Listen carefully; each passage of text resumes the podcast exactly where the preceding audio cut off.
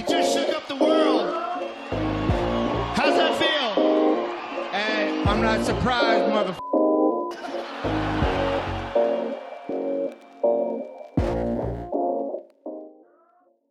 Vi kör igång Christian. Och ja. ja, äntligen får man väl säga. Så, Ja. för, för det, vi båda har ju något gemensamt. Vi båda har gjort Elitstyrkans hemligheter. Exakt. Och du, har, du gick ju längre än jag. Eh, men liksom när min personliga åsikt, eh, Ja. nu kommer mina vänner från säsong ett hata mig, men jag tyckte säsong två var så fruktansvärt bra. Tyckte du det? Ja, vad, vad har du att säga om det? Ehm, Varför tyckte du det? Om vi börjar där. Eh, såklart. Eh, Dels hade ni, ni hade ju, ni fick synka under eran tid där inne va? Såg ut som det. Synka, hur då? Synka, alltså sitta med produktionen och ni, ni hade ju det där rummet. Eh, till exempel när ni åkte ut så Ja, fick ni ju lämna. Eh, ja men, precis. ja, Fast det var Och- nog inte så som de hade tänkt. Alltså det, vi fattade som att, för det hade man inte i första nej. säsongen. Och det var ju typ så som en sån, eh, som man hade på Big Brother förr, att man skulle eh, eh, gå ut där och ha ett sånt, eh, vad heter det, vikten. Att man skulle gå ut och bekänna vad som hade hänt och så. Och, Mm. Ehm, men jag har inte någon riktig uppfattning om, för jag var typ aldrig ute där riktigt, mer än att så såg man att vissa gick ut där, men sen i programmet så var det inte jättemycket med från det utifrån hur många som faktiskt gick ut och sa saker. Så jag tror att fler och fler, det var ganska många som var ute och berättade grejer som hade hänt under dagarna, men det var inte med så mycket i själva programmet. Mm. Ja, Okej. Och Ja. sen, sen tyckte jag att det kändes bara som att, som att man kom er närmare på något sätt. Första säsongen Ja. var ganska... Eh, det är klart man fick, Lukas hade ju en fin historia. Man, jag tyckte också att jag fick väldigt, väldigt fint avslut med, med liksom man blir hyllad och sådär och sen så... Ja. Eh, men det kändes som att man kom er närmare på något sätt. Jag kan ha fel, men det är bara min känsla. Ja, jag, jag vet alltså. Om jag, om jag pratar med mina vänner och så, så tycker de nog tvärtom. Mm. Alltså att de kom, eh, för jag kommer ihåg väldigt många karaktärer som dig, alltså så karaktärer från, från säsong ett. Ja, Och alla säsong två känner jag ju. ja. Så att där har jag inget att jämföra med riktigt, men, men jag kan väl tycka att det var nog, eh, jag upplevde att jag kom ganska nära den, er säsong. Alltså eh, i eh, Mm. både personerna och vad ni var för typer och era berättelser när de när ni satt och pratade alltså i civila kläder. Där tyckte jag att man fick ganska bra så här, bild av vad ni var för personer. Mm. Jag kan inte säga att min, min sambo sa det att hon tyckte inte alls det var samma, hon fick samma förståelse för vilka som var där nu på tvåan. Mm. Det är lite annorlunda, jag vet inte, jag, jag känner ju alla så jag har svårt att uttala mig. Vi får se på säsong tre kanske. Ja, det kanske är det att just när man känner alla från säsong ett och sen när man får en helt, eh, man sitter där helt tom inför säsong två, att det blir att man kanske snappar upp det mer. Det är säkert någonting, som, som, någonting med det att göra. Ehm, och varför du sitter här med mig idag, det är ju för att du, jag tycker också att du fick ett väldigt fint avslut. Och jag tycker att de målar upp dig eh, på ett väldigt fint sätt med tanke på allting du har gått igenom. Det kände jag med. Jag är också väldigt tacksam för det. Jag fick inte så jättemycket tv-tid fram tills det att jag lämnade. Eh, Mm. Så att jag var väldigt glad för att det blev så i slutet. Jag trodde, det kände, för jag visste ju, man, vet- man vet ju när man kommer att lämna. när, Mm. Men man har inte sett tv-programmet i förväg så man fick ju följa med. Bara jaha, nu var jag inte med i ettan och inte tvåan och lite på trean kanske och sen så visste jag att ja, men typ femman där kommer jag lämna. Mm. Eh, Men det blev jättebra så jag är jättenöjd. Mm. Alltså över förväntan faktiskt. Um, så det, det känns väldigt bra. Hur, hur känner du? Eh, eh, har det blivit något efterskall för dig? Liksom, hur kunde du ta det efteråt? För jag känner typ personligen att jag fick börja bearbeta, som du säger, man vet att man åker ut. Ja. eh, Men när man får se det igen framför ögonen på TV så då är det som att känslorna kommer tillbaka. Jag kunde känna Mm. typ att jag klandrar mig själv för misslyckandet. Men Ja. hur, hur tog du det när du väl såg dig själv igen? Eh, liksom. Det, var, det, var, det, var, det var väldigt svårt faktiskt. För jag var, när jag lämnade, jag lämnade ju självmant. Så jag blev Mm. inte utpetad så att säga. Jag lämnade ju självmant. Och när jag gjorde det Så jag har nog bara haft en gång i mitt liv som jag har känt mig så nöjd med någonting som just då. Och jag vet att jag ringde min sambo, min mamma, en av mina vänner på vägen hem från tåget liksom dagen efter och de sa liksom att vi känner knappt igen dig i din, ditt sätt för att du var så nöjd. Och det, kändes som att, det kändes som att fan, alltså jag kan göra allt det här och jag är väldigt nöjd med det. Och att det kändes som det kändes oerhört starkt på något sätt. Något som jag inte brukar känna, liksom väldigt självsäker och så. Eh, och sen så när det då började närma sig att det skulle visas så blev man ju så, jaha, undrar hur de ska visa det. Men också att när vi gick ut med att vi skulle vara med då eh, var det väldigt många som bara, ja fan du kommer gå hela vägen och du kommer klara det här och du fixar det här. Och så vet man att man, att man inte gör det. Den var ganska svår. Alltså, att, för då, då blir det lite att man, man, man, bygger, man blir uppbyggd på något sätt då kanske bland sina vänner och så. Eh, på ett sätt som blir, för dem menar de ju bara väl. Mm. Men personligen så blir det en väldigt hög press på någonting som jag vet jag kan inte vinna. Mm. Så kan ju inte leverera det som de förväntar sig. Och det kan jag tycka var väldigt svårt. Um, och att på något sätt så, det var två saker för mig i alla fall. Den ena var att jag kunde uppleva att jag helt plötsligt började jämföra mig väldigt mycket, alltså värdera mig själv um, utifrån min prestation där och det brukar jag inte göra. Så jag har väldigt, kommit väldigt långt ifrån det i mitt liv, att värdera mig utifrån min prestation. Men där blev det liksom att jag de som gick längre är bättre än mig. Och det hade jag aldrig någonsin resonerat i, i, ett, i ett annat sammanhang i livet. Men där, alltså jättemycket sådana gamla grejer. Mm. Och sen för mig var det, alltså det var mat, mat med min historia med ätstörningar, anorexia, så var det det som avgjorde att jag lämnade överhuvudtaget. Och det Mm. fick eh, mer efterspel än vad jag trodde. Jag eh, fick också eh, Eh, så här, det är roligt, alltså jag, jag hade det när jag var 18 år, så det är, jag är 40 nu, så det är liksom 22 år sedan. Och ändå kunde jag liksom komma så nära hur jag mådde då under de dagarna jag var på elitstyrkan. Det, liksom, det luckrades upp igen. Så nu efteråt, det här året, så nu efteråt så har jag på något sätt varit mer sårbar, mer nära de känslorna som jag hade när jag var eh, 17-18. Och det var Mm. inte alls det jag hade planerat när jag åkte dit. Att det skulle, Mm. liksom, att jag skulle få den typen av upplevelse. För, för det jag tycker också när man ser dig i tv är att man när man ser dig lämna och, och då, jag tycker man får en väldigt bra förståelse varför du lämnar. Eh, men det som gör mig nyfiken det är det att, det är det att jag som själv inte har haft en ätstörning eller Ja. anorexia är det att eh, många har ju det idag. Men vad händer i dig liksom både fysiskt och mentalt när du kommer så nära de känslorna igen och det som faktiskt får dig att bestämma dig. Liksom hur går tankarna? Vad är det som sker i kroppen? Ja. Och det... Okej, om, man tar det, om man drar tillbaka, spolar tillbaka så var jag, jag var 16 när jag påbörja min resa till att bli, få anorexia. Så alltså, när jag var 16 var jag, eh, jag är 1,75 lång, då vägde jag 75 kilo. Och sen så vaknade jag en, en morgon i ettan gymnasiet och bara började känna mig, alltså jag hade extremt mycket ångest, jag kände mig obekväm i min kropp och då var det på något sätt så kände jag mig tjock. Alltså det var något som var väldigt eh, svårt för mig för jag hade alltid tränat, alltid rört mig och aldrig, aldrig någonsin tänkt på det innan. Och sen så började jag undermedvetet, eller medvetet egentligen, men undermedvetet så försökte jag hitta vägar för att liksom bli av med den känslan och då började jag springa och börja träna, börja lära mig jättemycket om träning och kost och, eh, och sen så på de här två åren från 16 till 18 år så så bara bröt jag ner mig själv totalt. Um, både fysiskt men också mentalt. Och jag, var, jag är en väldigt social människa egentligen och då, det var ju då också när jag var 15-16 men jag började eh, ta bort alla mina vänner och gjorde slut med min flickvän som jag var tillsammans med i flera år.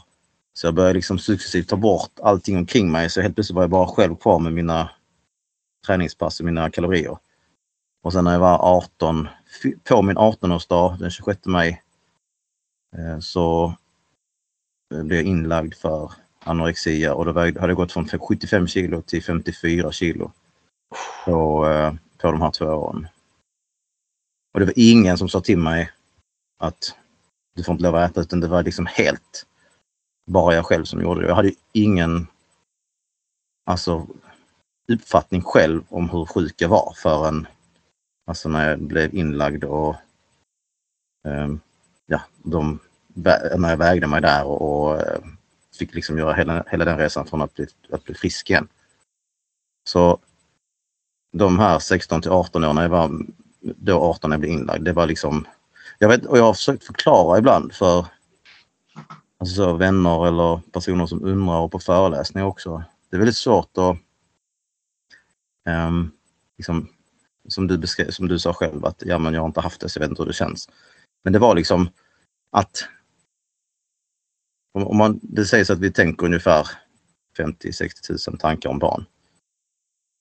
Och ibland kanske man tänker på sin kost och träning, vissa tankar av dem. Men jag hade, alltså det var kanske 49 500 tankar som handlade om mat och handlade om min egen kropp. Så det fanns liksom inte utrymme för att ha känslor eller tänka eh, på någon annan människa eller bry sig om någonting överhuvudtaget eller bry sig om skolan eller någonting.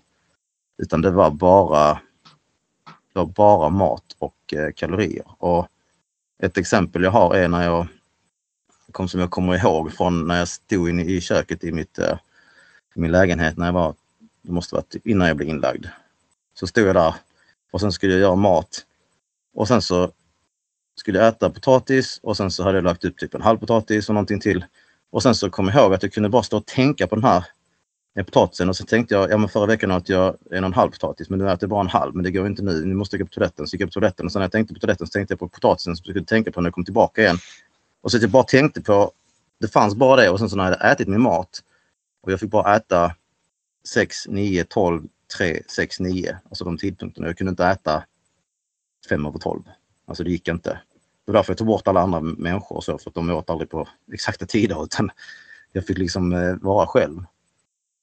Um, och när jag då hade ätit min måltid som jag tänkt på hela tiden så fick jag ångest och sen så bara väntade jag på nästa måltid.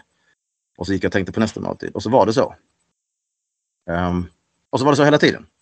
Konstant. Och det går liksom inte att det går inte att riktigt att föreställa sig tror jag. Jag kan aldrig begära att någon ska förstå det heller men det, är, det, är, det handlar inte egentligen om mat. Det är ju extremt OCD, alltså tvångstankar på något sätt.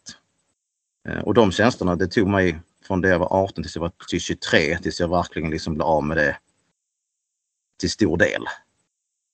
Ja, och sen dess har jag aldrig haft problem med, jag har aldrig ätit eh, lite, alltså jag har aldrig ätit för lite igen efter det. Men jag har haft samma, jag kan märka att, eh, att beteendet finns kvar på olika sätt eller min självbild kanske är väldigt förvrängd ibland och så. Ehm, och det som hände på elitstyrkan det var att Alltså jag hade ingen, de frågade mig på, på, på castingen bara, ja du står åt ätstörningar, kommer du ha problem med det? Så bara, nej det är ju jättelänge sedan. Det finns ju inte en chans att det kommer hända mig. För att jag hade gjort typ så här, eh, GMU heter det, som lumpen efter, så jag gjorde, gjorde GMU när jag var 28. Och då var det också så att man inte fick äta ibland och sånt. Och där var det aldrig några problem. Um, och sen så när det gått två dagar i, där i elitstyrkan så Första dagen så var det bara så, alltså vi fick ju ingenting att äta. Alltså vi fick ingen mat första dagen. Andra dagen fick vi typ så 300-400 kalorier. Och någonstans där efter andra dagen när vi skulle repellera, repellera ner för ett berg så hände någonting. Och det var precis som att allt bara, min mentala bild, den, den här drivkraften jag hade för att liksom, det här ska jag klara det, den, den byttes ut mot exakt samma ångest som jag hade när jag var 18. För då tränade jag hela tiden och jag fick inte lov att äta. Och här tränar vi hela tiden och jag fick heller inte lov att äta. Så det enda mantrat jag hade i huvudet var varför får jag inte lov att äta? Så att jag kände samma känsla som när jag var 18 men jag förstod intellektuellt att det här stämmer inte. Alltså den här ångesten jag har nu, det här är inte på riktigt. Det är något som inte stämmer. Men det var precis som att du vet, det här programmet bara så, tjoff, iväg, raserade hela min mur. Grävde fram det jag hade liksom grävt, eller dolt sen dess. Och sen så stod jag där med, liksom med dem, den ångesten jag hade när jag var när jag var som mest sjuk i hela mitt liv. Och jag hade inte jag kommit in på sjukhuset då när jag var 18 så hade jag ju dött. Alltså jag var nära att dö. Så det var liksom den jag fick konfrontera där och det var jag inte beredd på. Det trodde jag aldrig, alltså så att, att jag, jag visste inte, jag hade liksom inte tagit på mig rätt rustning. Jag hade liksom inte förberett mig för att det här skulle hända så det, och det blev bara värre. Så varje dag som gick när vi inte, vi inte åt. Eh, och det var ju lika för alla. De andra var ju mer så, ja, jag är hungrig. Och för mig var det bara, ah, fuck vad är det här? Hela mitt huvud höll på att liksom explodera. Um, och sen så till slut efter, efter fyra, den fjärde dagen, så på dagen där så bestämde jag mig att det här, jag kan liksom inte fortsätta för de, de sa ju att det här kommer bli värre och det kommer bli mindre mat. Uh, och jag, jag ville inte riskera att det skulle bli uh, värre. Sen vet jag inte, jag, jag, hade inte fått, jag kan inte säga att jag hade fått ätstörning än, det känner jag inte. Men liksom den, den, den världen jag hamnade i var helt uh, brutal för mig, rent mm. mentalt. Så bara nej. Jo, och sen så på fjärde dagen så var jag inne på eh, förhör. Och då sa de så, ja du är det vi söker, du, det, du, du har det vi vill ha. Och när de sa det så var det bara, ja okej. Det var den enda bekräftelsen jag behövde. Mm. Jag behöver inte liksom genomlida det här för, för jag vet inte vad. Man vann ju ingenting. Det enda du vann var ju äran. Mm. Så att det var ju liksom inget annat incitament efter. Och sen hade min, min eh, sambo hemma höggravid. Och jag hade liksom mitt eh, företag, jobbar med träning, jag kan inte bli skadad. Jag hade, man hade ont överallt, det vet ju du också. Mm. varje dag man vaknade så fick man ont någon annanstans. um, så att jag bara kände att alltså, riskerna var för höga för att... Och börjar man tänka så när man är där så är det ju kört. Mm. Du kan ju inte börja reflektera över vad som är rätt eller fel. Du måste bara ah, kriga liksom hela tiden. Så så när jag bestämde det så, ja, i natt så när vi har fysen så ska jag eh, lämna och då ska jag göra mitt bästa på den fysen tills eh, vi ska lämna in eller tills vi ska ner igen och så lämnar jag, lämnar jag då. Mm. Så det gjorde jag. Och det var så himla gött. Och, så, och det sjuka är att när jag lämnade in en armbindeln så precis när jag lämnat in den så försvann allt. Mm. Så när jag joggar, joggar ner där i den eh, så ser det så lätt ut när jag joggar ner. Men det är för att jag är liksom så, ha! Jag bara känner mig så fri. Ja. Är det inte sjukt? Helt mentalt. Det var bara sen när jag, när jag kom till hotellet där vi, eller motell eller vad det var för något, så fick jag lite mat, åt jag som vanligt, vet, inget konstigt och sen så var det färdigt. Liksom tillbaka till den här friska ja. Christian igen. Ja. Helt... Eh, jag, kan, jag kommer nog aldrig förstå varför det hände eller hur det hände. Det är någonting... Ja, förlåt. Fortsätt. Eh, men, men också att du, du är under extrem press. Och du, mm. Jag hade inte utsatt mig för det här i civila, det hade jag inte klarat. Alltså det går ju inte att utsätta sig för det sättet, att inte sova, att inte äta, att inte få lov att göra vad du vill under de förutsättningarna och hoppa från helikopter och grejer. Det är, så att man var ju under extrem press. Det är det jag tror att de som tittar på programmet, jag får också mycket frågor om att ja, men, är det så där hårt egentligen? Och det, jag brukar säga det att det är hårdare än vad ni ser det. Ja. Det, det, det, det säger alla. Är det, ja. är det så hårt det ser ut så bara det är värre. Det går jag tror att föreställa sig. Nej, precis. Det är så svårt att föreställa sig. För den pressen har man ju inte varit under i sitt liv på samma sätt. Och den gör någonting. Den bryter ner hela ens värld. Alla murar du någonsin har byggt upp. De river ner det. För mig tog det 24 timmar så kände jag, alright, nu, nu, det är på riktigt det här. Yeah. Liksom, första dagen, man får inte så mycket käk, det är fysisk aktivitet dygnet runt, ingen sömn. Ja, det är mm. lite jobbigt, men sen, sen bara, alright. Det, det är helt autentiskt det här. Det, det, det bara kör på. Det händer någonting yeah. mentalt med en. Ja, och där är det väl lite, det, jag skulle säga att det är det som avgör. För de sa, eh, de sa, alla sa så sen, ja men eh, hade du hade det inte varit det med anorexien så hade du klarat det. Så bara, ja fast jo, jag klarar inte det. Mm. Hela testet är ju att du ska, du ska ju klara det mentalt och fysiskt. Mm. Så, och det gjorde jag inte. Det kvittar om jag hade haft alltså nu om, om, och hade jag vetat om att det här skulle hända så tror jag inte det hade varit det kanske hade funkat lite längre. Mm. Men, men det här är ju liksom det som är poängen att du ska ju eh, brytas ner och det här ska komma fram så att du ser vem du är då så att du kan utföra din uppgift.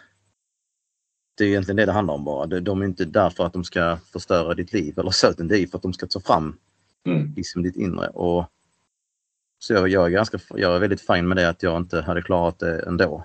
Men, men det är lätt att säga det att ja, men om du skadar dig, ja du hade det psykiskt men det gick inte för du klarar inte det fysiskt. Nej men då klarar du inte det fysiskt. Nej. Gjorde du inte, då, då går det inte. Det är samma som för mig, alltså, jag hade inte det mentala. Mm. Det gick inte. Nej, det, det är ju så. Det det är liksom, när jag åker ut mot, eh, med hjärnskakning mot Marcus i boxningen, bara, men hade du kunnat slåss? Ja, men jag kunde inte det. Jag gav inte upp i alla fall. Jag gav inte upp Nej. i fighten. Vi hade en svinlång fight, men jag fick hjärnskakning. Vad ska jag göra? Mm. Det, Nej det, men precis och det är det, är det som är eh, poängen med det. Du får bara en chans och det är roligt, eller det är det som är grejen, men också det som är synd. ja. Jag förberedde mig väldigt mycket fysiskt men hade jag vetat hur det var, i, alltså så, hur upplevelsen var så hade jag ju förberett mig annorlunda. Jag vet inte riktigt hur men jag tror alltså mer mentalt. Mm. Alltså utan mat och inte sova för det är då det, är då det här kommer fram. När du Mm. inte sover och när du inte äter då blir det ju Alltså det är då man börjar shoppa den här muren. Chop, chop, av. Och, och det som jag också, liksom ert första avsnitt, man tänker att okej, undrar hur eran början kommer vara. Och ni börjar kräla där på den där jävla stenen. Åh herregud! Och, jag, och, och i tv får man ju ingen uppfattning om hur länge det är, men jag har sett dig skriva på sociala medier att ni var där i 90 minuter. Mm. Ni Ja, stört. 90 minuter. Det tog aldrig slut. Det var, det var som du sa där att efter 24 timmar sa du ja men fine, nu är det, så här är det. Och när man var där och krälade så bara tänkte man okej nu, okej det är det här det handlar om. Sen, sen var det bara, sen kunde man inte tänka efter. Och det är först, först när man börjar tänka efter, eller känna efter, det är då det blir, när man börjar tvivla. Det var ju många som i vårt, det var i säsong också som, som lämnade bara sådär. Och det var ju Mm. för att ja, men man har nått sin punkt liksom. Mm. Att det blir inte värt det. Och har man inte den drivkraften längre så är det inte, du kan inte bara, jag testar en dag till. Du måste vara så, du måste vara så jäkla på för att klara det. ja, Eh, ja, verkligen. Nej, fy fan. Det är väl det. och- Ja. Det är väl det de flesta inte alltså, förstår utifrån.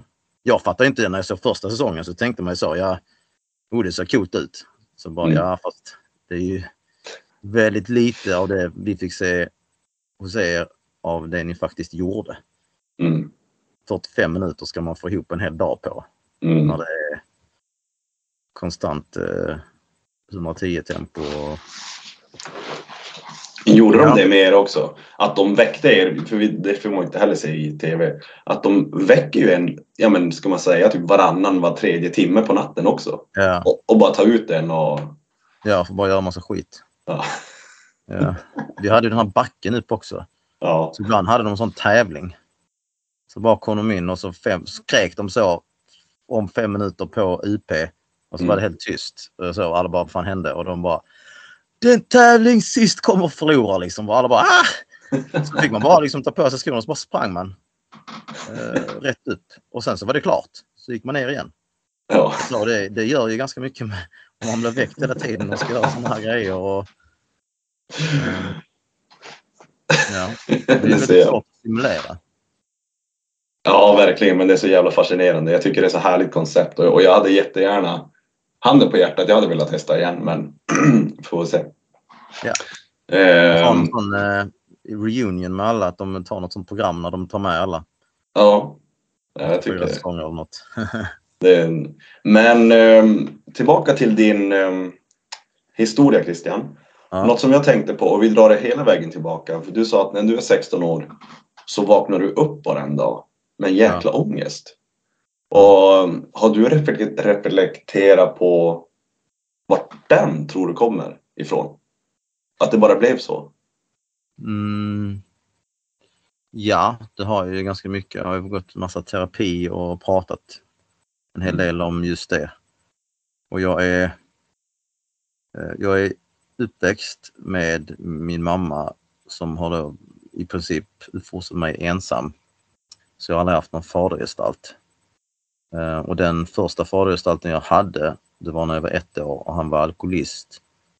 Och han vid flera tillfällen var väldigt eh, våldsam mot ja, familjen och det slutade med att han, eh, när jag, någonstans när jag var ett år så skulle han eh, ja, typ döda mig och slänga mig ner på trappan så polisen fick komma och hämta honom. Eh, och sen så har min mamma uppfostrat mig ensam och sen träffade hon en annan eh, man som också visade sig vara alkoholist. Så att min, min relation till fadersgestalter har liksom varit väldigt eh, dålig. Och jag har alltid sökt bekräftelse. Alltså i olika avseenden. Så jag kan komma ihåg så när jag förstår det här. Och sen har jag en biologisk pappa då som är från eh, Colombia. Som jag inte har träffat så mycket heller. Som jag faktiskt ska träffa nu på lördag. Tror Ja, är. härligt. Jag har träffat honom tre gånger i mitt liv innan. Så detta är fjärde gången. Hur känns det då? Jo, det känns bra. Jag vill han ska träffa mitt, eh, mitt barn. Mm. Så att min son får träffa sin farfar. Så Ja. han, eh, men eh, så att det, det, det kan jag härleda mycket till att jag inte har haft någon eh, fadergestalt. För att jag har alltid velat få bekräftelse av eh, typ andra män eller så här som, som jag har sett upp till inom idrott eller eh, egentligen allting som jag har provat när jag var liten. Alla idrotter eller intressen och hobbys. Så här, jättestor poster på Arnold Schwarzenegger när jag var tio år. Och, Alltså allt så här och Braveheart. Allt som har varit väldigt eh, maskulint och, och ganska nära liksom krig och så. Eh, det här eh, adrenalin. Och sen så när jag då var 15, 16 så hade vi flyttat in till storstan igen till Helsingborg då från en annan ort. Och jag var ganska mycket på villovägar och min min mamma, den mannen hon hade träffat som var alkoholist, han fick en stroke så hon fick liksom ta hand om honom i två år när jag var 13 till 15 år och då började jag liksom leva mitt eget liv och skita i skolan och eh, umgicks med eh, ja, bad people. Och jag tror att det hjälpte ju inte, alltså med min självkänsla. Att jag umgicks med, med personer där man handlar mycket om bekräftelse, handlar mycket om hela tiden om att, att ta plats och eh, Och sen så när jag då eh, kom in till eh, storstan Helsingborg och där jag egentligen är uppväxt, men jag flyttade ut och sen flyttade vi in igen. Och det var min mamma som ville ta, ta mig ifrån liksom den här kretsen som jag hade hamnat i. Um, och sen så när jag då gick där i ettan i gymnasiet. Jag kommer ihåg, liksom, det var tre veckor in i gymnasiet och hade hamnat med en jättebra klass och allting var så här OK. Och sen bara vaknade jag och så. Och så bara kände jag en sån jättekonstig känsla i kroppen och det satt, det satt liksom på magen. Kände jag. Alltså så, det satt på mig, inte i mig. Um, och det första jag gjorde var att börja springa. Så samma kväll så sprang jag typ så här två kilometer, allt vad jag kunde. Tänkte jag, vad skönt, nu, nu blir jag... Så tänkte jag så, så gjorde jag det två gånger tror jag, i veckan. Bara för att av med den här känslan. Och så kändes det som att, ja men okej, nu har jag kontroll på det, nu ska jag lösa det här. Sen efter tre veckor så försvann det inte, så blev det bara värre. Ja men okej, då får jag springa mer och längre. Och sen hade jag läst att man kunde, alltså de som simmar, de är ju väldigt smala. Så, ja men då här börjar jag simma. Och sen fortsatte det så, jag bara hittade på nya grejer och sen till slut så anlitade jag min första PT när jag var 17 år. Som då skulle göra ett kostprogram till mig. Jag hade aldrig brytt mig om kosten innan. Um, och då fick jag program liksom för hur jag skulle äta och så för att jag skulle tappa fett. Vilket är helt vansinnigt, alltså nu i efterhand. Men hon, hon visste ju inte alltså, hur knäpp jag var Mm. alltså, i huvudet, utan hon hjälpte bara mig utifrån det jag frågade. Och sen, eh, och det var egentligen det som var då, den här knivstöten, den som avgjorde allt när jag började blanda in kosten. För då blev jag helt eh, manisk och, ehm, och, och det som det jag skulle komma till var att så jag kom ju längre och längre ifrån den ursprungliga känslan som var den här ångesten. Mm. Utan min ångest satt istället i, okej nu har jag ätit fel så nu fick jag ångest för det. Nu har jag inte tränat så nu fick jag ångest för det. Nu tränar jag inte tillräckligt hårt så nu fick jag ångest för det. Men den ursprungliga känslan av ångest är ju förmodligen kopplat till att jag faktiskt mådde dåligt. Alltså så att jag, och jag har inte haft någon, alltså min, min uppväxt eller att, att, att, eh, att jag på olika sätt liksom hela tiden flydde från ursprunget. Som jag tror har mycket med att jag inte hade någon Eh, fadergestalt på det sättet som jag hade önskat. Att det har varit liksom ett hål. Mm, ehm, så det är ju väldigt viktigt för mig nu. med min son. Att jag är så här att han, han måste ha det bra, alltså från mig. Jag får göra mitt bästa för att han ska ha det bra. Ehm. Det är ändå fint att du... Eh, det är det som är så bra med personer som du som får gå igenom sånt här att du låter inte det definiera dig på, på ett dåligt sätt om du förstår vad jag menar. Du tar med dig det här och nu ska du fan visa hur det faktiskt ska vara. Och det, är så, det är så jäkla viktigt för dig Ja, att föra det vidare som nu till din son. mm. ja det... Sen är det väl... Sen kommer man inte undan det här att om jag inte hade gått igenom allt det här så hade jag inte blivit den jag är. Mm, precis. Samtidigt som att jag hade önskat att jag inte hade behövt uppleva det på det sättet. För det hade ju kunnat gå alltså, mycket värre i olika avseenden i livet. Um, men det gjorde ju inte det och nu är jag här.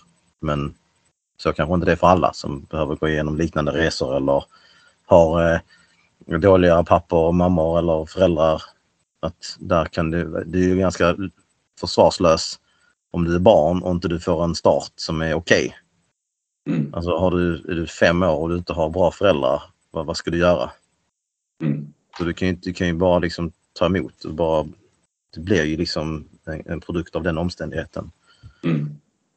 Men nu när man är äldre, om man vågar gå den, så, så kan man ju påverka mycket mer. Ja, verkligen. Och något som jag också tänkte på när du berättar om just eh, ätandet. Eh, när du anlitar en ja, vad ska jag säga, kostrådgivare och, eh, och liksom du, du har ditt mål och du får ett program. Hur kunde du gå ner till nästan 50 kilo trots att du hade det här programmet? För jag gissar att, att, att du går ner så pass Ja. mycket så får jag en bild av att du har nog kört lite eget race också. Och inte bara följt det här kostprogrammet. Att du Ja, kanske hoppar nej, över måltider eller... Kostprogrammet i sig eh, fick jag när jag gick, eh, när jag var typ då när jag fyllde 17. Så då hade jag kanske hållit på i ett halvår så på egen hand. Mm. Um, sen var det år två när jag hade det. Så jag fick ju, jag tror jag bara hade ett program från den personen. Men sen var det bara eget och det, det jag gjorde var att jag åt mindre hela tiden. Så att när jag Mm. till slut så när jag åt, så det blev liksom en ond cirkel. Jag åt mindre och så orkar jag inte träna och sen så blev jag sjuk hela tiden och då kom det en läkare som sa att du får inte lov att träna, du måste äta mer. Och då fick jag inte lov att träna så att när jag inte fick lov att träna då hade det gått ett och ett halvt år sedan min första ångestkänsla och då helt plötsligt så kom jag inte ihåg hur man åt innan när man inte tränade. Så att jag tänkte så här, det behöver jag inte äta eftersom jag inte tränar. Så då åt jag kanske, ja, då innan jag blev inlagd så åt jag en daddel om dagen. En daddel? Ja, jag vet inte varför det var en daddel. Det var för att det var sött. Jag vet inte, men det, kom, det var, jag åt jag en daddel om dagen och försökte liksom leva ett vanligt liv. Och det, det går ju inte. Alltså det, det går ju ganska snabbt när man då ehm, när, jag började tumma på alltså mängden mat och bara åt mindre och mindre. Och det var egentligen inte för att jag ehm, inte var hungrig eller så, utan det var för att jag trodde, alltså jag 100% trodde på att jag inte behövde äta eftersom inte jag tränade. Så då bara, då fallerade allt. Så det gick det ganska snabbt. Så typ tre fyra månader efter det så blev jag inlagd.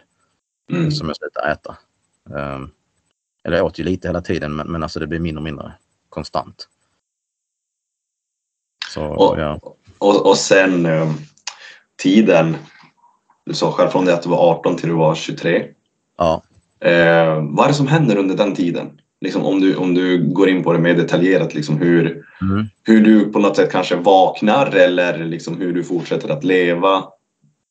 Så jag blev inlagd eh, då den 26 maj och då var jag inlagd i tre veckor tror jag.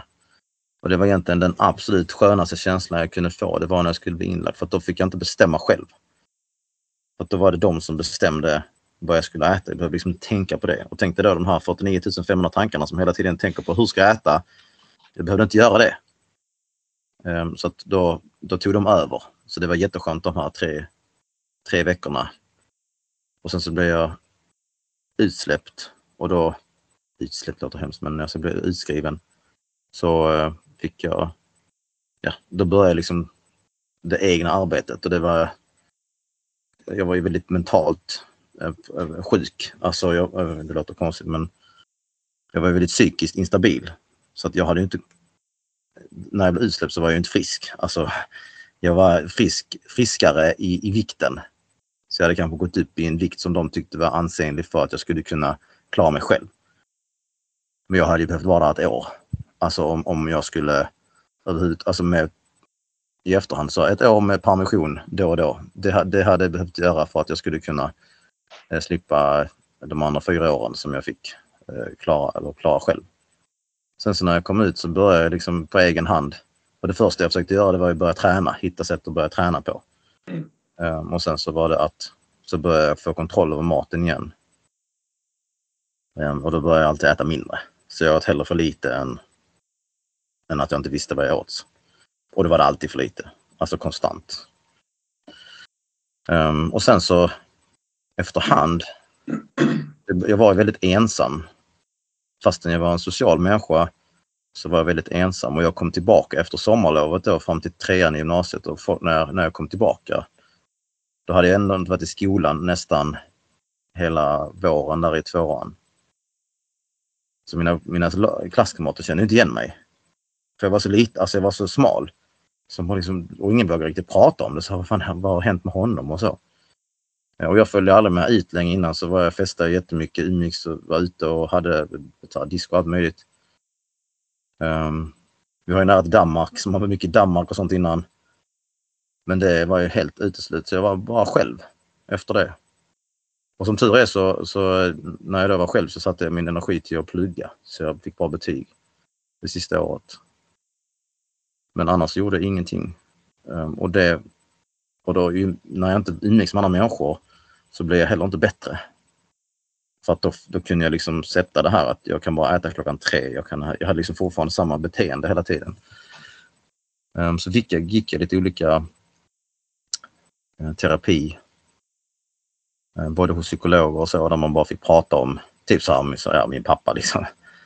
Uh, men sen så var det en som hjälpte mig väldigt mycket som fick mig att ifrågasätta det jag tänkte. Så hon frågade mig okay, vad jag tänkte och sen så sa hon så fick hon mig att så här, försvara varför jag tänkte så, så kunde jag väldigt sällan förklara det. Um, att hon, uh, ja men varför gjorde du så? Vad händer om du gör så här? Så bara, ja det vet jag inte. Vad händer om du äter klockan 15.10? Har du provat det? Så jag bara, nej. Vad händer om du gör det? Så bara, den, där, den där bilden jag hade då var att det kommer inte gå för att då... Men till slut så fattade jag, jag vet inte vad som händer. Mm enda, jag hade, min, det enda minnet jag hade av att äta på fel tider till exempel, det var att jag hade ångest. Att jag fick massa ångest.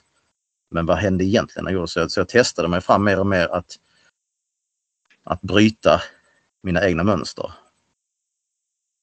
Jag hatade att vara umgås med andra människor men varje vecka så tvingade jag mig själv till att gå ut på någon fest från skolan eller träffa människor på någon fika eller där jag visste att jag, jag ville inte göra det, men innerst inne så förstod jag att detta var den jag var egentligen. Så på något sätt så började jag, nu i efterhand så förstår jag att då har jag liksom behandlat mig själv som en sjuk person. Så att jag har tänkt så här att okej, okay, detta är inte jag. Ungefär som i elitstyrkan, jag förstod att de här känslorna jag känner, det är inte jag. Så jag behöver på något sätt komma ifrån det. Och samma sak var det där att jag var tvingad mig själv till att göra grejer som jag visste att jag tyckte om egentligen träffa människor, eh, gå och fika hos min eh, mormor och morfar. Ehm, alltså fast jag inte åt det så gick jag ändå liksom och fika med dem så jag började göra massa sådana grejer och till slut så, så kom jag liksom längre och längre ifrån eh, de här eh, tvångstankarna. Och sen till slut så, ja, jag, jag fick ju sluta skolan och sen så fick jag jobb och jobbade till och med på Burger King liksom kontrasten av att mat. Um, så att, och när jag då var i sammanhang bland andra människor mer och mer så började jag fatta mer och mer att det här, jag är inte, alltså jag är inte frisk. Jag tittade så hur andra människor åt. Och det hade jag ingen uppfattning om. Om jag bara var hemma och låste in mig så kunde jag inte förstå hur sjuk jag var. Men när jag var ute bland andra människor så fattade jag, oh shit, kan man äta så mycket? Och då var det kanske en normal portion. Men för mig var det jättemycket. så börjar någonstans en del av mig fatta, jaha, om den människan äter det och jag rör mig jättemycket, då borde jag ju äta mer. Så att långsamt blir det bättre och bättre. Sen, eh, ja, sen så till slut så hade jag, aldrig, hade jag inte problemet längre att jag åt för lite. Och då någonstans där började jag eh, så. Då var jag typ 22-23. Så då började jag räkna från att jag var frisk. Men eh, ja, Så att eh, det, det låter som att den här terapeuten eller psykologen du hade som på något sätt utmanade dig. Men Ja. Christian, har du testat det här? Har du testat det där? Det var en, eh, jag får bilden av att det var en väldigt stor bidragande orsak till att du faktiskt blev bättre också. Ja. Och sen var det också en annan eh, person som jag, jag sökte, som jag ville ha hjälp med kosten med. För att jag ville, eh, jag, jag tränade så ville jag ha hjälp liksom att bygga muskler. Och då var det så kontaktade jag en person på det gymmet jag var på och han, eh, han tittade på mig så bara sa han att jag skulle skriva ner vad jag äter. Och så tittade han så och så bara, äter du det här? Så bara, det kommer jag aldrig någonsin bygga muskler med det här. Så jag bara, nej. Så gav han mig ett program som var x antal kalorier då, som var typ mer än dubbelt så mycket som jag åt. Mm. Så var det precis som att bara för att han sa det så gjorde jag det. Mm. Och det var också kanske två år efter jag var utskriven. Så när han, när han sa det så började jag helt plötsligt äta, liksom våga äta mycket mat. Och det var också en stor, så de två, att jag blev utmanad i mitt tankesätt men också att någon annan sa till mig eh, vad jag skulle äta, precis som när jag blev inlagd. Att där var det någon annan som sa att eh, så, här, eh, så här ska du äta. För att jag hade Mm. inte, jag var inte kapabel att fatta det beslutet själv. Mm. Så eh, de två. Och min mamma såklart, hon är, som fanns med hela tiden och hjälpte mig. Och, Mm. eh, då annars hade jag aldrig fått mm, klarat det överhuvudtaget. Och sen efter att du har varit, när du, när du fyllde 23, sen är du, ska man, får man använda ordet frisk? För, för jag vet att man, de som har haft ätstörningar säger att man kan inte bli helt frisk. Utan man, man bara fortsätter leva som på något sätt. Eh, Ja, Men- fast, ja, det stämmer ju utifrån det på elitstyrkan så blev det ju inte helt... Det fanns ju fortfarande kvar. Mm. Eh, Men jag skulle säga att det som fanns kvar mest efter de här fem åren när jag var 23, det var tvångstankar. Alltså olika typer av så här konstiga beteende och sånt. Jag minns en gång när jag skulle, eh, när jag jobbade i en ICA-affär så bodde jag på ena sidan av stan och så låg ICA på andra sidan av stan. Så jobbade jag där fem dagar i veckan och så cyklade jag dit. Det var ganska långt, liksom så här. 20 minuter cyklade jag dit och hem varje dag. Inget konstigt med det. Och sen så gymmet jag tränar på låg liksom i mitten. Och en morgon så skulle jag träna innan jag skulle jobba och då cyklade jag till gymmet och sen tränade jag. Och sen när jag kom ut från gymmet så bara Shit, vad händer nu när jag inte har cyklat den här sträckan på en gång? Så började jag så här, men jag kan inte dela upp den här sträckan. Så jag blev helt eh, alltså ställd. Så det jag gjorde var då, det var, och då var jag typ så här 24-25. Då cyklade jag tillbaka hem för att sen cykla till jobb. För att jag skulle bli av med den, eh, den här OCD-grejen, alltså den här tanken. Och sen när jag kom fram, var det sjuka är att när jag cyklade tillbaka det började regna. Så jag fick liksom skylla mig själv. Men, men, men också att, så att den typen av beteende kan jag ha haft kvar väldigt länge och det kan jag känna av fortfarande på olika sätt. Mm. Alltså det här konstiga eh, tvångsmässiga beteendet som kan sätta sig i olika saker. Ehm, men just det var väldigt typiskt och, och det, det kunde jag inte riktigt förklara. Jag hade inte tänkt på att jag cyklade dit varje dag förrän jag helt plötsligt skulle bara cykla halva sträckan. Så var det precis, tänk så minskar det min fettförbränning och sånt. Så började jag tänka sådana grejer. Mm. Att jag skulle kunna jobba i lugn och ro så var jag tvungen att cykla tillbaka hem och sen cykla till jobb. Men du hann i tid i alla fall. Ja, det gjorde jag. Det gjorde jag. Men så att jag skulle säga att de grejerna är nog det som följer med mest i alla fall. Mm. Och nu idag så skulle jag aldrig någonsin kunna bli sjuk igen på det sättet, alltså anorektiskt sjuk. I Mm. att jag inte äter. Det känns som att eh, eh, om jag liksom får gissa eller vad man får kalla det. Liksom, jag tror att de i, din, de i din närhet och sen nu när du har en son också skulle nog fånga upp dig tidigare, förmodligen. Ja. Ja, ja precis. Och där, jag tror att en stor bidragande orsak var att jag hade mycket tid. Mm. Alltså jag, jag isolerade mig och när jag isolerade mig så fick jag utrymme för att skapa de här olika mönstren. Och det hade jag aldrig haft tid med nu. Alltså, jag hade kunnat tänka det i fem minuter kanske och sen så bara nej, nu ska det här, nu ska det här hända. Och, och nu måste, jag har ju företag också så att det finns inte utrymme för att eh, bli så knäpp liksom. Eller Mm. man säger igen. Nej, precis. För det, var, det är ju helt självförvållat. Det är ju ingen som har... Alltså jag har inte fått så här, vad man ska kalla det för, inspiration från någonstans. Jag har inte blivit påverkad av någon annan i min närhet som har haft ätstörningar. Ingenting. Utan det var det som mitt 16-åriga jag klamrade sig fast vid. Det skulle lika gärna kunna varit alltså droger eller något annat. Eh, Men detta blev mitt. Liksom. Eh, Ja, Ehm, jävligt eh, spännande ändå att det kan liksom gå så fel och sen kan det gå så bra. ja, Att det, det går att resa sig. Och med, med rätt hjälp. Och, så det, för det finns väldigt professionellt folk där ute. ja. Och våga ta hjälp. Kände du någon gång när du, när du, när du tog hjälp eller blev Mm. inlagd att det var en skam? För när du, som du själv säger, du är 40 idag. På den tiden kanske det var mer skamligt att söka hjälp. Ja, att ha psykolog var ju väldigt konstigt. Mm. Det, vet, det minns jag att det var skamligt. Um, men sen... Jag kände mig nog aldrig att skam för att jag hade anorexia. Utan det var nog mer att man... Eh, när det kom upp, när det, när det kom fram för en att shit, fan vad sjuk jag är. Alltså när man fick den uppenbarelsen ibland. Och det kanske var fem sekunder per dag när man bara, vad fan händer här? Vad håller jag på med? Och sen så bara gick man in i sin bubbla igen. Just den tidpunkten där att man, det är lättare att vara, det var lättare att vara sjuk än att eh, ta tag i det. Mm. Alltså för den, tänk dig själv om man har, har varit, hållit på och försökt bli frisk i ett år. Så vet jag inte hur lång tid det tar. Alltså jag har inte, det fanns inget datum på att om du gör allt det här så kommer du vara frisk om ett år, fyra år. Mm. Utan det var ju bara som man var tvungen att göra själv. Mycket av det och få rätt hjälp. Men att de flesta, de absolut största bitarna fick jag göra själv. Mm. Men det hade varit lättare att inte göra något. Jag hade ju mått mycket sämre. Men det hade varit lättare att inte göra något. Om du förstår hur jag menar. Ja, absolut. Men, men för jag kan relatera till mitt Ja. drogmissbruk.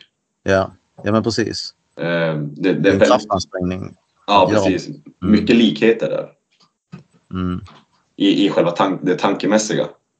ja, Att det är mycket lättare att vara där man är. Ja. För där trivs man för stunden. ja, och man vet ju vad som förväntas av en och man har koll på läget, tycker man. Mm. Ja. Eh, Men det har man ju eh, verkligen inte. Men det, men det är som sagt det är lättare att... Och så är det oftast för de flesta i, i nu.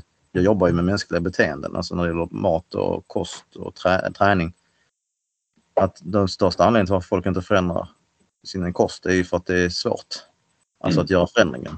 Det är inte att man inte vet vad man ska äta ofta, utan det är att man inte gör det. Mm.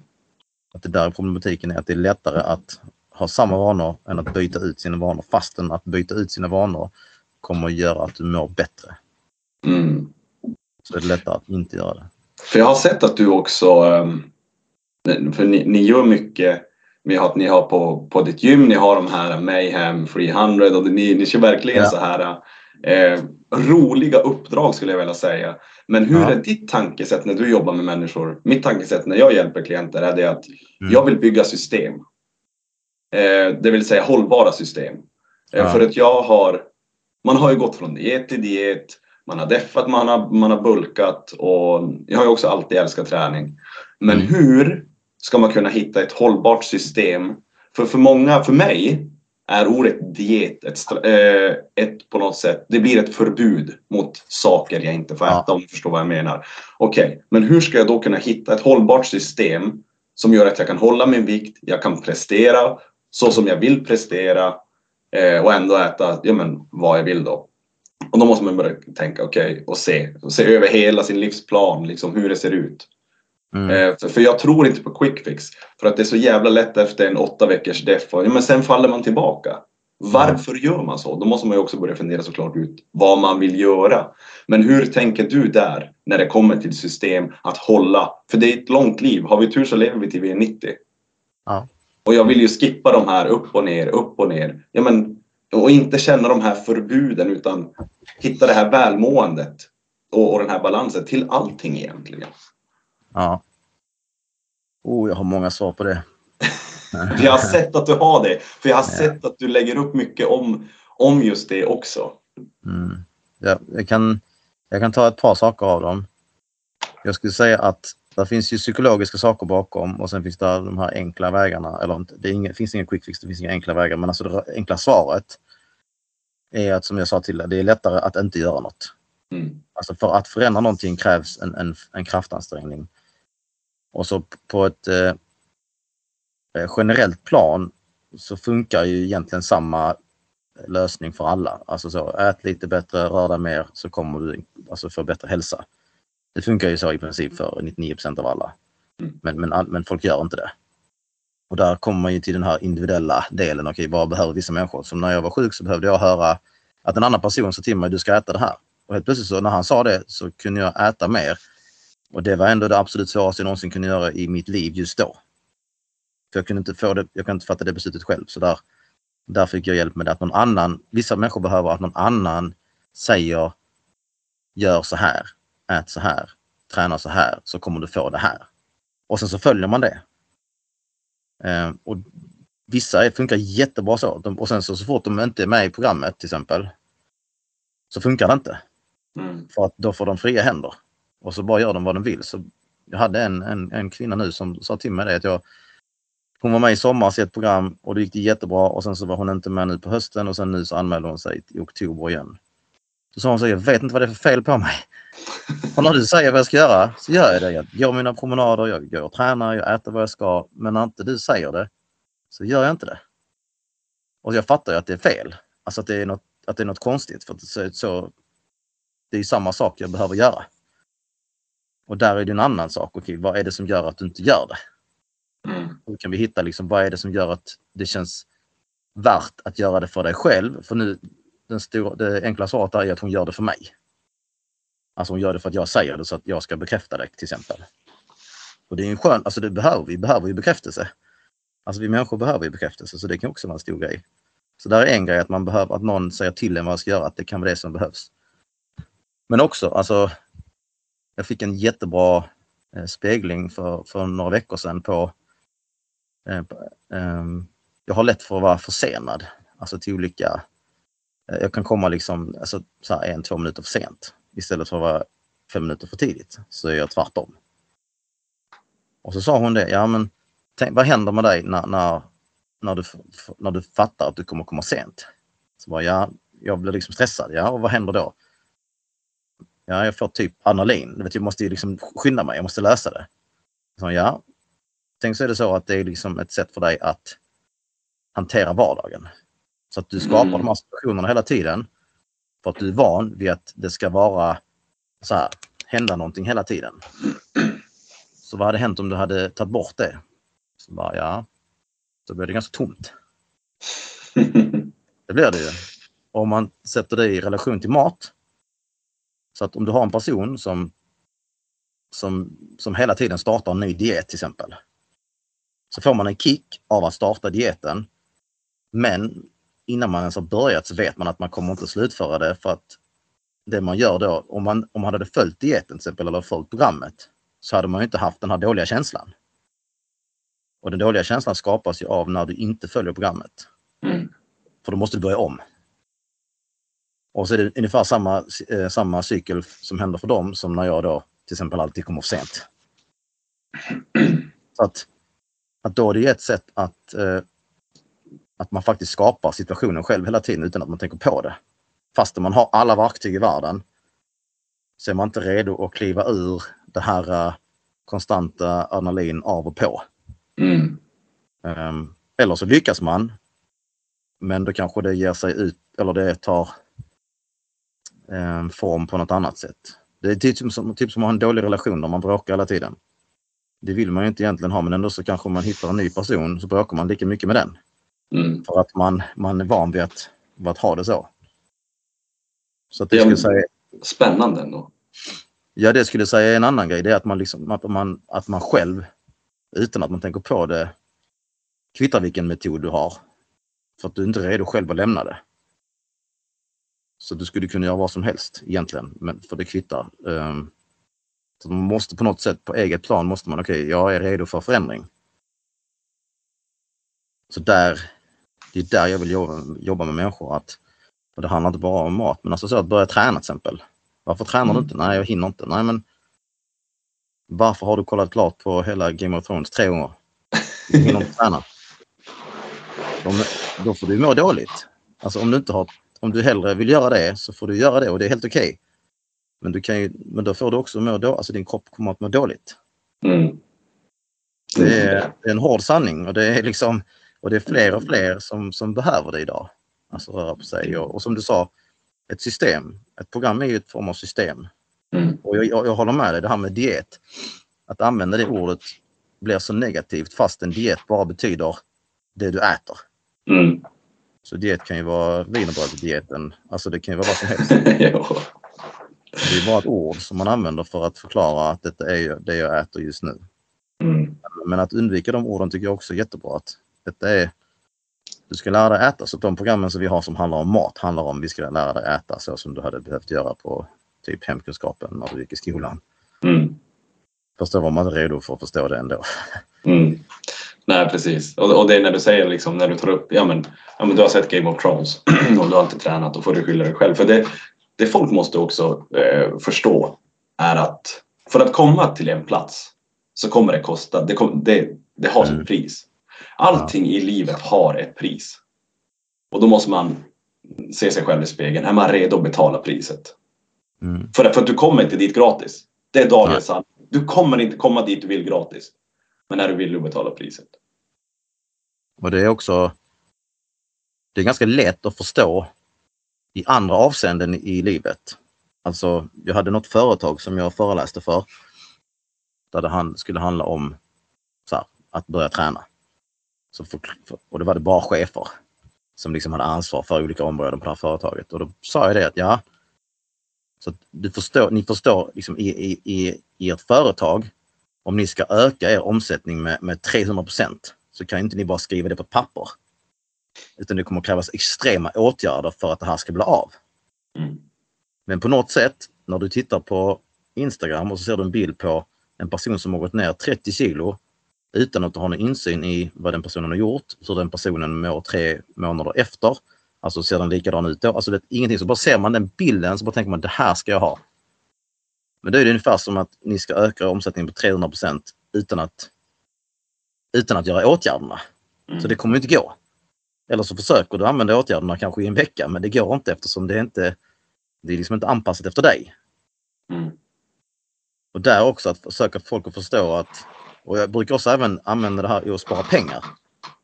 Att om jag vill ha 24 000 i slutet på året, ja, då behöver jag spara 2 000 kronor per månad. Så har jag det. Det är jättelätt. Mm. Bara spara 2 000 i månaden så har jag 24 000 i slutet på året. Men jag kan ju inte spara en krona i månaden och sen så sista månaden, oj då. Då behöver jag ha 23 900 till. På något sätt så förstår man då, aha, okej. Ehm, jag, jag kan liksom, att man förstår, man förstår det i andra kontext, men när man tar det till träning och mat så, så är det precis som att det inte går in. Förstår du vad jag menar då? Att, eh, Absolut, absolut. Ja. Jag, jag följer lite olika konton som har med så här aktier att göra. Så är det en som heter så här 100 miljoners mannen. Mm. De är, han har, håller på med aktier och sånt och så har, hans mål är att få 100 miljoner typ.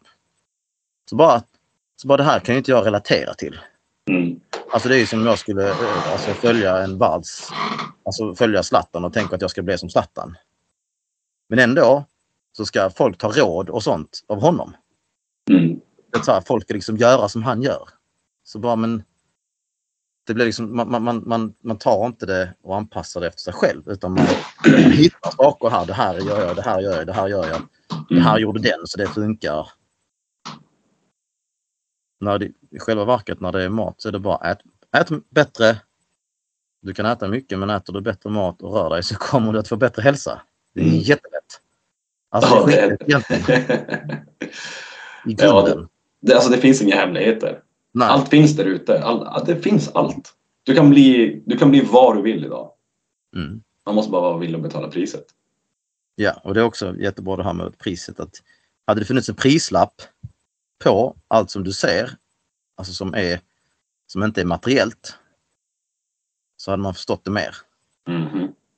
Framförallt inom så, alltså fitness och sånt. Att personer tittar på Instagram och så ser de ut på ett visst sätt. Tjejer ser ut så här och så tränar de rumpan så här. Så säljer de ett program så tänker någon ung tjej att ja, men jag vill se ut som henne. Så bara, men det har ju inte med programmet att göra utan hon kanske har tränat i tio år, Ja. äter ingenting, har ingen mens för att hon inte äter. Alltså är så här. Mm. Så det finns liksom ingen prislapp. Nej, Det är precis. väldigt bra det du sa där. Det ska man ha. Man ska ha haft en, man ska ha haft en prislapp på varje bild. Det är vad det kostar. Jag fick en svinbra idé där så att jag ska direkt anteckna sen. Just det här med prislappen. Men för det är jättebra att använda som, som metafor i föreläsningar. Okej, mm. Det är så, här, så här ser den verkliga prislappen ut egentligen. Mm. Liksom 0500, Mm. eh, sex år, diet, eh, bla bla bla. Men du förstår vad jag menar. Ja, och så, så tänker folk att jag vill se ut så. Ja, men om inte du klarar det i en vecka Ja, och den här personen har gjort det i sex år så kommer det liksom inte hända. Men ändå så kanske du kommer försöka hela tiden. mm. Det som att upprepa samma, att man, har, man tror liksom att det är... Då är det bättre att ha, som du snackade om, ett system som är ditt system. Detta är Mm. vad du ska göra. Om du inte rör dig alls och du tränar två gånger i veckan, det är 104 gånger på ett år. Det är Mm. 104 gånger mer än förra året. Det är Exakt. vad du borde fokusera på. Inte vad någon influencer gör eller inte vad det senaste träningsprogrammet är. Utan ind, ja, individuellt system typ. Ja, ja men verkligen. Och, och något eh, talesätt som verkligen har satt sina spår i mitt huvud och det är ju den liksom The man who loves walking more than the finish line is gonna walk further. Ja, Du känner säkert igen det. ja, Så eh, det, för det är ett evigt, det, liksom som David Goggins också säger, there is no finish line. Jag tror att många drömmer i livet om den här dagen man tar pension. Man drömmer om den här äh, escapen. Man ska liksom snart så får man ta pension och lägga sig på en strand med en margarita i handen. Det är inte livet. Livet är ett evigt liksom testande, utvecklande system som vi bara ska ta oss igenom på vårt bästa sätt som möjligt. Ja. Problemet är att det är inte det vi får lära oss. Nej. Vi får ju lära oss att, att det kommer komma en dag när du inte behöver göra någonting. Men då Mhm. är det liksom för sent. Då har du jobbat sönder dig kanske, har inte tränat eller rört på dig, har inte tagit hand om din kost. Så du har problem med massa sjukdomar och du har ont i hela kroppen. Så vad, vad ska du göra då? Mhm. Är det värt liksom... Eh, den prislappen pratar man inte om heller. Nej. Det folk, man, man, vill, man vill hålla majoriteten av befolkningen där i sitt lilla fack. Så här, så här ska människan vara. Man ska jobba, ha lån, eh, Volvo, hund och villa. Och, och sen, sen så går man i pension och sen så dör man. Mm. Det är där vi vill hålla befolkningen. Ja. Men, men det är inte så. Nej, och någonstans är det också, det försöker jag prata mer och mer om, med mina, både med klienter och lite så utåt på sociala medier, att vi lever bara en gång. Mm. Alltså du lever bara en gång, det finns ingenting som bevisar något annat. Så varför ska du må dåligt? Mm. Och om du och om man då hittar en, som, jag hade en, en, en person förra veckan som eh, liksom, ja, hon hade kommit ur sin träning och sen så hade hon gjort samma beteende igen. Så bara, ja okej, varför? Om, så sa jag så, ja men det du gjorde nu precis, mådde du bra av det? Nej, jag mår jättedåligt när, när det händer. Ja. Så varför gör du så mot dig själv? Mm. Och då var det så, du lever bara en gång. Varför gör du medvetna val till att må sämre? Och då blev hon så, ja, jag vet inte. Mm. Så att om oftast, tyvärr, så handlar det om mat, framförallt för kvinnor. För män kan det handla om tusen andra sätt, men just mat är väldigt svårt. Och, ehm, för det sätter sig där, liksom så tröstäta eller att man på olika sätt har någon form av störning kring maten. Eller ett stört beteende kring maten. Mm. Och det är ingen som mår bättre av det. Alltså i, om någon har någon form av ätstörning eller hetsäter så, så känns det bra i typ en minut för att sen må dåligt hela dagen, hela veckan. Så, men är man inte redo att lämna det så blir det ju svårt. Mhm. Ja, verkligen. Du har helt rätt Christian. Och då är vi tillbaka på det igen att då är du van vid att ditt liv är så här upp och ner, upp och ner, upp och ner, upp och ner. Mm. Så här, må lite bra, ha ångest, må lite bra, ha ångest, ha ännu värre, ha ännu mer ångest och sen så håller du på så. Det, och så, det är inte konstigt att folk blir utbrända. Alltså mentalt. När man har så mycket saker som man ska gå runt och tänka på och leva upp till och nu... Ja, jag tänk själv liksom, jag, hur gammal är du? Eh, Jag har just fyllt 30, så jag är född 92. Ja, Mm. Då är vi inte riktigt samma generation men nästan. Men när jag gick liksom i, i gymnasiet då var det precis de första telefonerna kom som man hade med sig. Alltså typ så Nokia 3310 och sånt. Då hade man inte, det fanns ju inte några, man kunde inte filma sånt med dem. Nej. Du skulle typ kunna slå ihjäl dem med den. Alltså den, det var ju som en tegelsten, alltså den var jättestor. Och då fanns ju inte, då fanns precis, hade det kommit med Lunarstorm hette det då. Mm, Så- det har jag haft. Där man kunde lägga ut lite bilder på sig själv och skriva hur cool man var och så. Och sen nu så med filter och allt möjligt. Alltså jag fattar inte hur ungdomar kan hantera all, allt det, de intrycken de får från sociala medier. Mm. Alltså jag har sett, vi har ju barn som är med här ibland med sina föräldrar och tränar. Så sitter de i en soffa och sen så har de alltså, så, eh, kanske en iPad eller telefoner.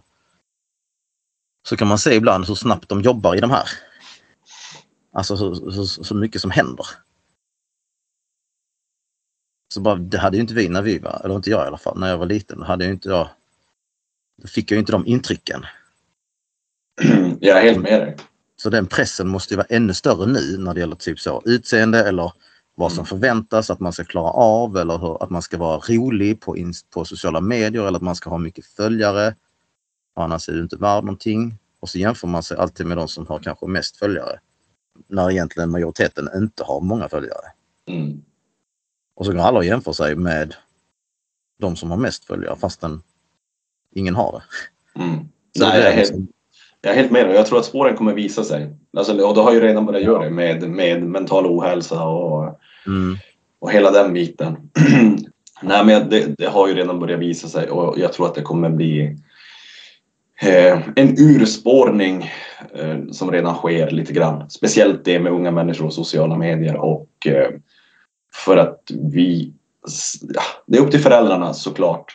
Så, så ung och jämföra sig så tidigt i tidig ålder, det, det är ej bra. Nej. Det, det, det finns egentligen ingenting bra med det skulle jag vilja säga. Det låter väldigt gubbigt och pessimistiskt men Mm. jag har svårt att säga att det, det, det kommer gynna i slutändan för majoriteten. Mm. Jag hade velat göra mer. Men jag har inte, vet, jag provade på TikTok ett tag. Vi hade en Mm. från eh, Elitstyrkan, Patrik Widell, som är jättestor på, på Instagram och TikTok, har så miljoner följare. Mm. "Ja, men du måste börja använda TikTok och lägga ut grejer där. Så testade jag det, liksom lägga ut samma grejer där som på Instagram och jag fattar ingenting. Alltså det, det, allting, så, allting bara hände saker hela tiden. Det så här, när man loggade in så bara var det så konstiga grejer som jag fick i mitt flöde. Så här. Jag fattar liksom inte hur allting klipps liksom på ett annat sätt där. Allting klipps liksom så snabbt. Mm. Så handlar det om ingenting. Det är saker som de som är populära lägger ut saker om ingenting. Mm. Så här, jag vet inte, det var väldigt så här stageade saker när man liksom skapar scener ute i verkligheten som man då, så, så att människor ska tro att det är sant, så fattar man det här är ju inte sant. Det här är ju Mm. uppgjort. Men barn fattar inte det. Mm. Så det var, alltså det, och jag, jag kunde inte, jag fixade inte det. Nej. Alltså, det, gick alldeles för, eh, det gick för snabbt för att jag skulle, jag hade säkert, om jag hade kunnat lägga ner mer tid på det, så hade jag säkert kunnat eh, eh, hitta någon väg där. Men det jag ville komma till var att där kan man ju faktiskt påverka unga. Alltså genom TikTok och Snapchat, att där, det är där man ska jobba om man ska nå ut. Eh, De sitter ju inte och kollar på Facebook liksom när man lägger ut en bild om psykisk ohälsa.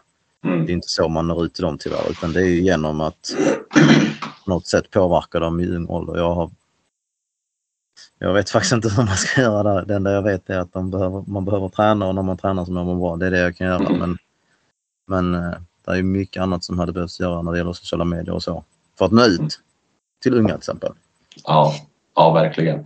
Och Christian, eh, jag var glad att du fick en extra kvart. För någonting jag eh, vill ta med dig är eh, din relation till din biologiska pappa. Hur eh, liksom, har han valt att inte vara där?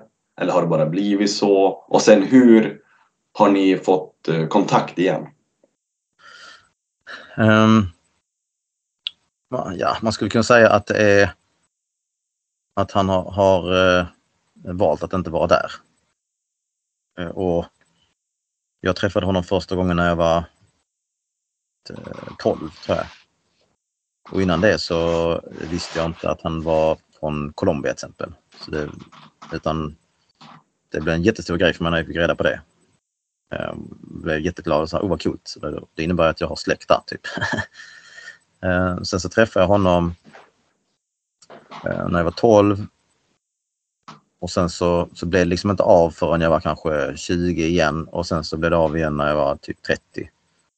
Så var tionde år har jag träffat honom en gång ungefär. Eh, Men vad var frågan? Nu kommer jag Eh, ja, eh, och sen hur, igen, hur ni tog kontakt igen. Och sen en följdfråga på det då. Hur, hur har det känts för dig? Är det han som har sökt upp dig? Mm, nej, det är det inte. Utan jag sökte upp honom när jag var 12 då, med hjälp av min mamma. Mm. Och sen har vi haft lite kontakter sen jag var 20 på olika sätt och jag, ja, jag hittade honom på Facebook liksom och typ sådana bitar. Men eh, en sak som har varit svår, det, det har jag inte sagt till någon egentligen, det är att jag faktiskt har eh, syskon eh, på hans sida. Men de vet inte om att jag finns. Mm. Så att jag har liksom två bröder som är äldre än mig. Som, inte, som är typ en blandning av jag utifrån det jag har fått berättat för mig. Men nu vet jag inte om de vet det, men, men då när jag var ung så visste de inte det. Eh, att jag fanns. Jag tror att det också har påverkat mig väldigt mycket när jag växte upp. Att jag liksom har accepterat att eh, ibland att vara i bakgrunden eller att inte ta för mig. Att det är okej att inte få bekräftelse eller det är okej att jag eh, inte syns. Eh, det har jag faktiskt inte tänkt på. Men, men nu när jag säger det igen så kan jag känna att det har faktiskt eh, påverkat mig mycket att jag på något sätt accepterar att jag inte tar plats fastän jag Alltså jag är ju människa, jag är ju liksom eh, att inte ha fått det, att inte ha fått eh, Ja, alltså att inte, de vet ju inte ens att jag lever. Mm. Och Egentligen är det ganska allvarligt. Alltså Tänk så hade jag fått kontakt med dem tidigare. Alltså vad hade hänt då? Vad att bli på något sätt, jag vet inte hur jag ska förklara det, men bli förnekad att man eh, finns. Den är ju ganska grov. Att man inte syns på något sätt och jag kan, jag kan uppleva att det har påverkat mig mycket när jag har växt upp sen. Mellan 20 till 30, liksom att, att acceptera att inte ta plats eller acceptera att inte ha mått bra eller acceptera att, ja, olika saker. Mm. Vad frågar han nu på lördag? Ja. Men hur, hur, känns det idag? Ja, alltså jag har ingen alltså jag har ingen, eh, jag känner ju inte så att, ja, jag har ingen pappa, alltså nu. Mer än att jag förstår att det har påverkat mig i mitt liv. Mm. Ehm, jag är ganska eh, ohändig också. Så att jag har aldrig haft någon pappa som liksom har visat mig hur man ska göra så här eh, pappagrejer, du vet. Hur, man, hur man byter däck? Ja, men typ sådana saker. Ehm, Så att det har aldrig heller Ehm, så det kan jag väl känna nu när jag har min egen son att jag skulle vilja lära mig saker för att lära honom. Så att han får bättre förutsättningar än vad jag hade när det gäller olika saker. Men jag kan inte säga, rent personligt så känns det inte svårt att jag inte har han i mitt liv men men eh, jag tycker det är viktigt nu att, att min son får träffa sin farfar. Eller biologiska farfar. Det. Så att ja, det känns väl både och kan jag tycka. Det Ja, känns det har- som mycket, Det mycket har satt sina spår. Ja, ja, det har det. Eh, Mer, mer än jag egentligen hade velat. Mm. Och då har han egentligen inte gjort någonting. Mm. Alltså han har inte aktivt gjort någonting mot mig för att jag ska må dåligt. Utan det han har gjort är att han inte har varit där. Det räcker för att för att ett barn ska bli eller behöva gå igenom olika saker. Mm. Och Jag kan inte säga att det hade varit annorlunda om jag hade haft någon fadergestalt men, men jag vet att jag har saknat det hela mitt liv. Eh, Det, är det som också är så viktigt. Man, man, får, eh, man måste acceptera när man blir äldre. Vi väljer inte våra föräldrar. Nej. Och Och när det, jag är var, nog, det är tufft att acceptera för vissa. ja. Och när jag var eh, då 12, 11-12 år och jag hade min mamma träffa den andra mannen då som också var alkoholist och fick en stroke. Då var jag så glad för att jag fick en familj. Mm. Vi flyttade ut från stan till ett hus med hans eh, dotter som blev min syster. Och vi bodde i ett hus, liksom mamma, pappa och syster och så. Ehm, men han drack ju väldigt mycket och så, det fattade inte jag så mycket då. Mer än att han var väldigt arg. Så han var ofta arg på mig. Och nu har ju mamma förklarat i efterhand, det var ju då när han var full. Så det har ju säkert också påverkat mig. Men på något sätt så, så var det viktigare för mig att ha en familj. Så det var det som var roligare än så man bara svalde att vissa saker kanske var dåligt. Men jag fick i alla fall ha en familj. Eh, Det låter ju hemskt när man säger det. Att, man inte, att det är det som händer men man kan inte förstå det när man är 12 år. Men nu i efterhand så fattar jag det. Ja, men, men det, alla har vi våran historia och, och vem fan Ja. är vi här och sitta och döma din historia? Alltså saker och ting i livet, det, det går inte att räkna ut livet och vi blir på något sätt tilldelad en hand och Mm. våran uppgift är att liksom spela den så bra som möjligt för att vi ska få det så bra som möjligt. Livet är inte rättvist. Och livet hade kunnat vara jättemycket annorlunda. Men vi kan inte påverka det. Vi är där vi är idag. För att det var som det var då.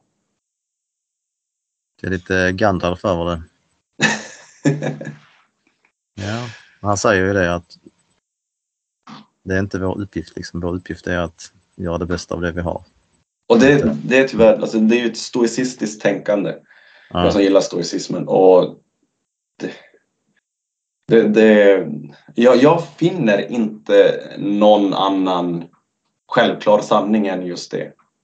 När det kommer till eh, liksom filosofi och tankesätt. ja, För det är så lätt att klandra, att ångra, att oroa. Ja. Men det är inte det som får oss att må bättre. Nej, men också det blir också väldigt tydligt om man resonerar så som du gör. Så det är många som inte kan hantera det. Mm. Och det, då är vi inne på det igen. Det är lättare att inte göra något. För då Ja. behöver jag inte känna det som känns när jag väl börjar, oj, vad, vad håller jag på att göra med mitt liv? Till Mm. exempel. Ehm, och många tar aldrig tag i det. Och så springer man runt bara och försöker hela tiden eh, försöker hela tiden eh, liksom fly från sig själv utan att man egentligen vet var man flyr från. Ja. Mm. Ehm, med nio minuter kvar. Så eh, jag, jag tycker ändå att du fick... Eh, ja, men jag, jag var tvungen för jag var så nyfiken på just det här med biologiska pappan. Ja. Ehm, jag har egentligen bara en sista fråga Christian innan Ja. du får springa iväg. Ehm, och det är om du får lägga din prägel på det hela Eh, tips och tricks till allmänheten, till lyssnarna. Med, med dina ord. Vad vill du säga då? Att ta med sig i livet. Tips och tricks om vad? Livet. Liksom om du får sätta din prägel. Det kan vara klyschigt, det kan vara Mm. hårt. Det kan vara... Ja. Ehm, alltså jag jobbar ju väldigt mycket med just det här. Eh, att, alltså så att människor faktiskt behöver hjälp.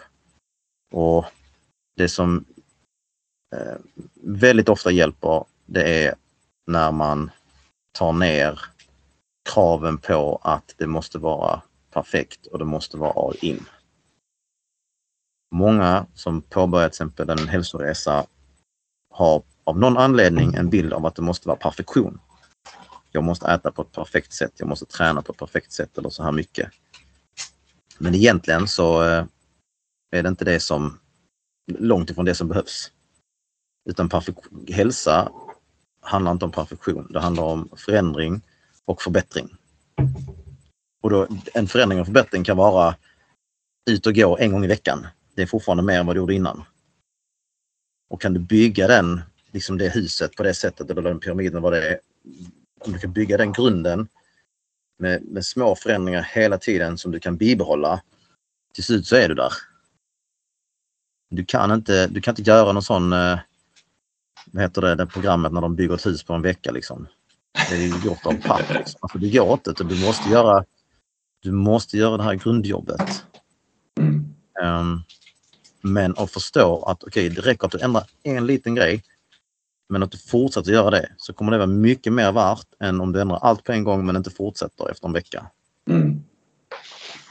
Så dricker man en läsk om dagen på, lunch, på lunchen på lunchrestaurangen. Ja, tar du bort den eh, liksom 5 gånger 52, ja, det är över 250 stycken mindre läsk som du dricker på ett år. Det är jättemycket.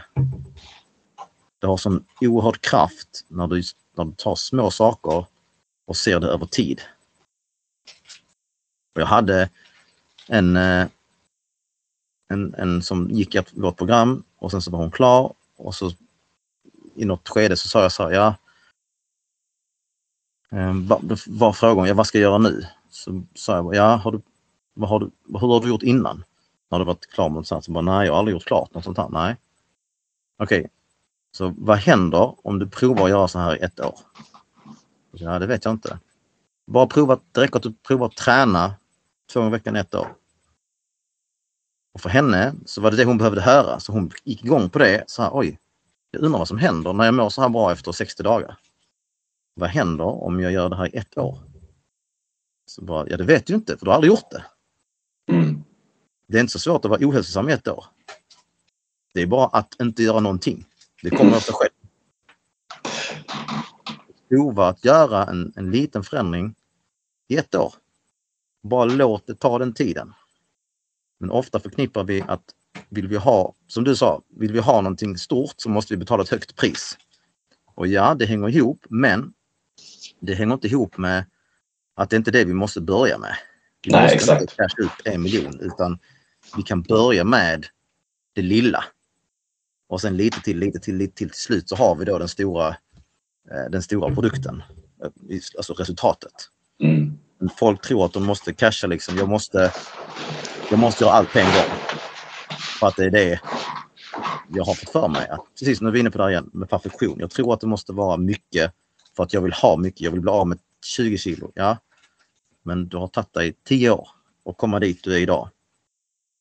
Det kommer inte ta dig 60 dagar att bli av med den ohälsan. Men du kan börja. Och då börjar vi med den här lilla grejen, eller den här lilla grejen. Och att förstå att, att små saker har större betydelse i längden än stora Mm. förändringar.